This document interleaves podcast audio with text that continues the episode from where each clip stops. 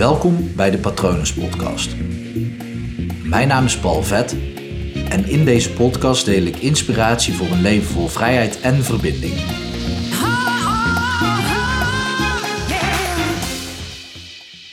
Een crisis werkt als een vergrootglas. Wanneer er zoiets heftigs gebeurt in de wereld, of met name ook, ook in je eigen leven, een, een, een crisis in je eigen persoonlijke leven werkt net zo. Nu is het voor iedereen tegelijkertijd aan de hand. Dus dat maakt het opnemen van zo'n aflevering hierover wel wat makkelijker, omdat ik het kan generaliseren. Maar een crisis of een ramp in je persoonlijke leven of in een ieders leven, of in de selecte groep dierbaren die je om je heen hebt, je, je tribe die je eigenlijk van nature om je heen bouwt, de 150 mensen die je het beste kent. Dat schijnt uh, psychologisch zo te werken. Als daar iets in gebeurt, dan, dan wordt eigenlijk jouw leven, je, je patroon, uh, jouw profiel, jouw, jouw behoeftes, die worden gewoon in één klap blootgelegd. De manier hoe jij bent bedraad, hoe jij bent geprogrammeerd in je leven, dat wordt in één klap duidelijk door een crisis die aan de hand is. En dat zal de komende week nog wel andere vormen gaan aannemen. ik hoop dat het dan afvlakt. Maar goed, dat is echt even afwachten. Maar dat dat, dat gebeurt is ook uh, waardevol voor jezelf. Dat geeft jezelf namelijk hele waardevolle informatie. En als je mijn nieuwsbrief ontvangt, dan heb je hier al over gelezen. Maar ik zou het je graag ook in deze podcast willen meegeven. Want niet iedereen die de podcast luistert, ontvangt ook mijn nieuwsbrief. Wil je dat wel, moet je me gewoon even een berichtje sturen. Even mailen naar patronen.palvet.com. Maar goed, een crisis die legt dus je basisbehoeften bloot. En dat is super waardevol. Want dat betekent dat je echt naar je eigen kern toe gaat. Normaal gesproken leef jij je leven en vul je ook je leven in met je basisbehoeftes. Maar doordat je je leven zo vol propt, wordt het eigenlijk ook gewoon gevuld met de basisbehoeftes van anderen. Of eigenlijk met de behoeften die anderen van jou hebben. Dus dan is het heel uitdagend om gewoon echt trouw aan jezelf te blijven. En op ja, in momenten van crisis, dan doen de behoeften van anderen er gewoon een stuk minder toe. Voor jouw eigen bedrading, voor jouw eigen patroon. Voor het programma wat jij afdraait. Het wil niet zeggen dat je niet voor anderen klaar staat, want daar ga ik het zo meteen over hebben. Maar het doet er minder toe, want je wordt gewoon heel erg terug aangewezen op jouw kern, op jouw basis, omdat het opeens over overleven gaat in plaats van leven. En dat klinkt misschien gek en misschien ook te groot, want ben je jong en gezond, dan is de, de kans gewoon wat kleiner. Maar toch, collectief heerst er angst vanwege dood en ziekte je gezondheid staat gewoon op het spel. En dan schiet je gewoon makkelijk terug naar je basisbehoeftes. En er zijn er zes, tenminste in deze theorie die ik hanteer. Uh, er zijn mensen die ook op een andere manier de behoeftes uh, beschrijven. Ik uh, weet zijn manier niet, maar ik weet dat Guido Weijers een hele mooie slogan heeft voor waar je, waar je voor moet gaan. maar als je die uitkleedt of ontleedt, dan komen ze eigenlijk ook wel hierop neer heel kort de zes basisbehoeftes um, van de mens zijn zekerheid, onzekerheid, betekenis, liefde en verbinding. Dat is er één, groei en geven. En uh, je hoeft niet heel snel nieuwe pauze te drukken, want ik ga ze één voor één even behandelen. Um, omdat het gewoon bepaald gedrag van je nu uh, blootlegt. Of tenminste, je komt nu bepaald gedrag van jezelf tegen die je kan koppelen aan een basisbehoefte. En dan weet jij gewoon, oké, welke dingen vind ik nou belangrijk? Want iedereen maakt gebruik van deze zes behoeftes. Maar de een die vindt bijvoorbeeld zekerheid belangrijk en de ander vindt onzekerheid belangrijk.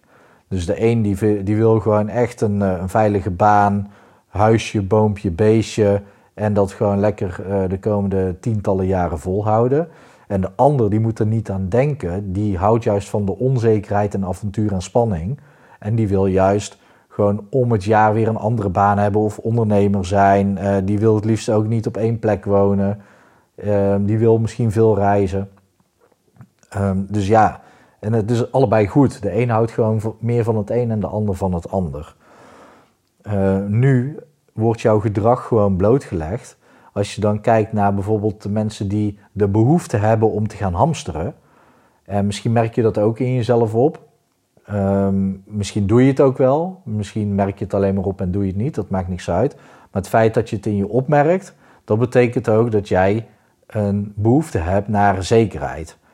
Nu uh, zeg ik al, elke behoefte, elke van die zes is in iedere mens aanwezig. Alleen de mate waarin bepaalt waar jouw uh, bedrading jou het eerste naartoe leidt. Dus ben je echt veelvuldig aan het hamsteren geslagen, dan zou zekerheid gewoon echt wel een krachtige basisbehoefte van je zijn. Heb je die neiging, maar je doet het niet omdat je misschien denkt, ja, dan vinden mensen me raar, maar je hebt die behoefte wel, die neiging wel, dan is zekerheid ook gewoon een basisbehoefte voor jou.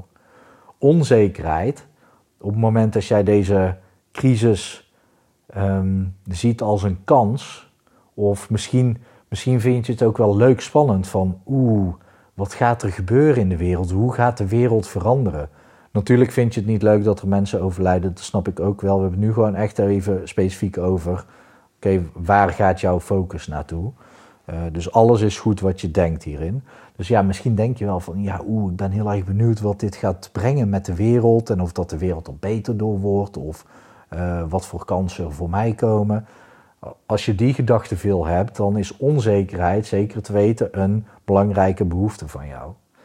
De derde betekenis, die, eh, die is wat lastiger uit te leggen. Um, nou ja, eigenlijk ook niet. Uh, misschien geef je er niet makkelijk aan toe, maar voel je diep van binnen wel dat het zo is. Misschien grijp je deze crisis aan om van betekenis te zijn voor anderen. Of gewoon dat jij het gevoel hebt, vooral dat is hem, dat jij iets betekent. Dat jij belangrijk bent.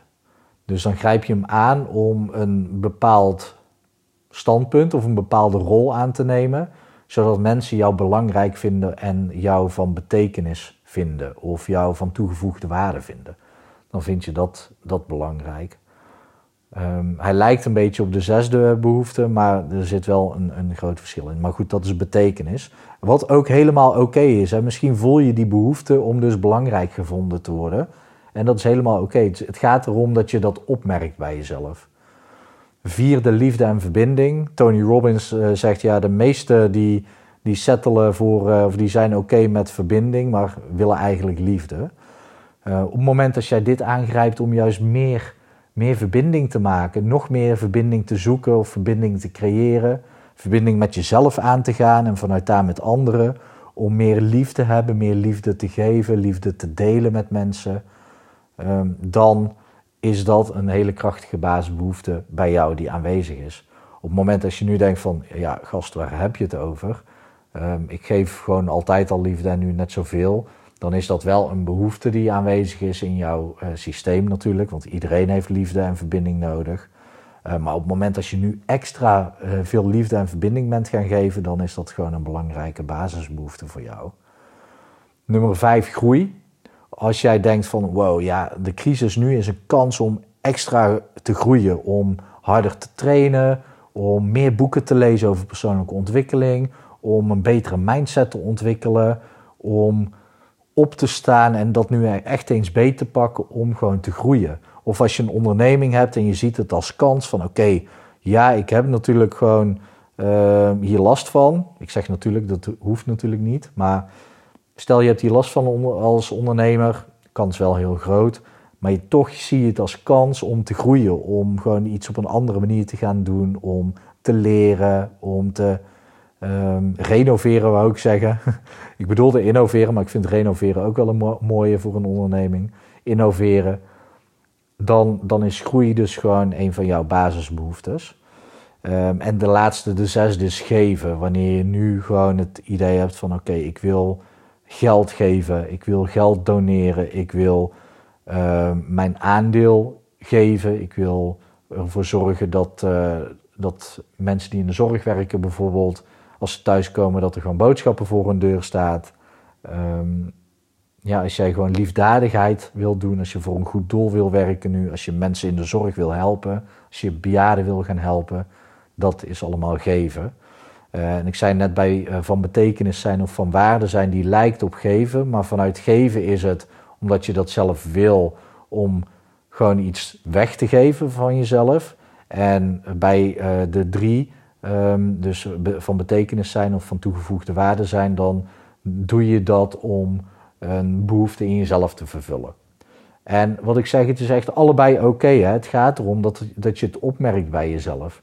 Nu heb je dus de zes um, gehoord, die dus best wel bloot kunnen, uh, kunnen zijn komen liggen tijdens de crisis. Dus uh, zekerheid, onzekerheid, dat is twee, drie betekenis, vier liefde en verbinding, vijf groei en zes geven. En het werkt altijd heel goed om hier gewoon percentages bij op te schrijven. Dus uh, je hebt 100% om op te delen. En uh, zet gewoon echt grofweg de percentages bij de dingen die jij het belangrijkste vindt. En ga daar dan ook gewoon goed mee om. Dus merk jij nu van, oh ja, ik wil echt zo graag geven, ik wil zo graag zorgen. Ja, zet daar dan gewoon 40% achter, zodat er voor de rest minder overblijft.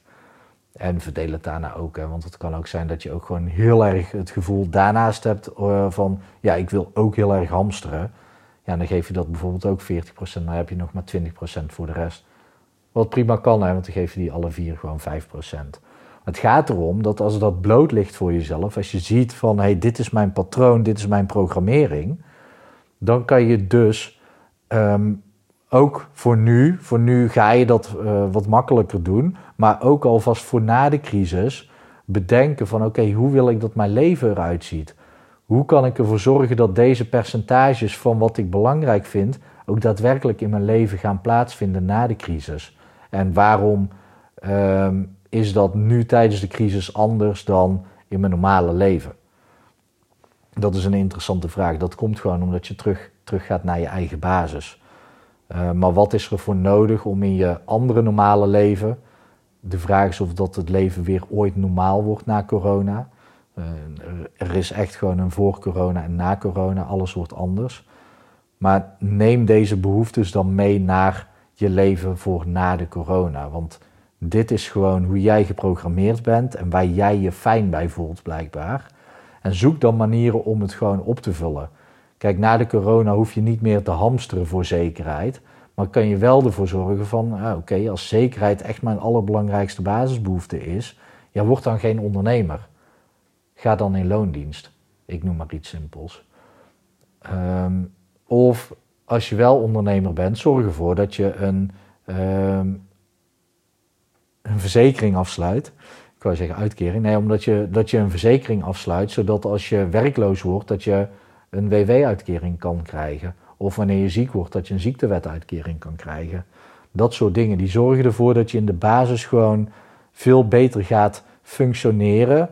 Omdat jouw basisbehoeftes dan gewoon goed op de juiste manier vervuld worden. En dan ben je dus geen behoefte van andere mensen aan het uh, vervullen. Dus ik, ik denk dat dit uh, een hele mooie tijd is om. Het is geen mooie tijd, misschien ook wel, maar het is wel een, een goede tijd om te ontdekken bij jezelf: oké, wat vind ik belangrijk en uh, hoe zou ik dus mijn leven in willen delen altijd. En om dat dus nu eens voor jezelf op te schrijven. Dus schrijf de zes basisbehoeftes op, zet er percentages achter van oké, nou ja, ik heb inderdaad de behoefte om te gaan hamsteren en dat voel ik zo krachtig, ik zet daar 40% weg. Of dat je het idee hebt van ja, nee, ik wil zoveel meer verbinding genereren in mezelf. Ik zoek de verbinding in mezelf en ik wil veel meer verbinden met een ander, nog meer dan dat ik al voorheen deed, ja, dan is dat een duidelijk signaal dat het sowieso te weinig in je leven aanwezig was en uh, dat het een duidelijke basisbehoefte is. Dus, zet daar dan een groot percentage achter. Nou goed, ik weet zeker dat je hem wel begrijpt. Het gaat je heel erg helpen om dit te doen. Het is een soort kompas voor je leven, dus uh, maak gebruik van de crisis in deze, deze zin. Ik hoop natuurlijk dat deze podcast jou in goede gezondheid bereikt. Uh, en ik hoop natuurlijk ook dat het goed gaat met je en met jouw dierbaren. En ik wens je natuurlijk, ondanks de crisis, een hele mooie dag toe.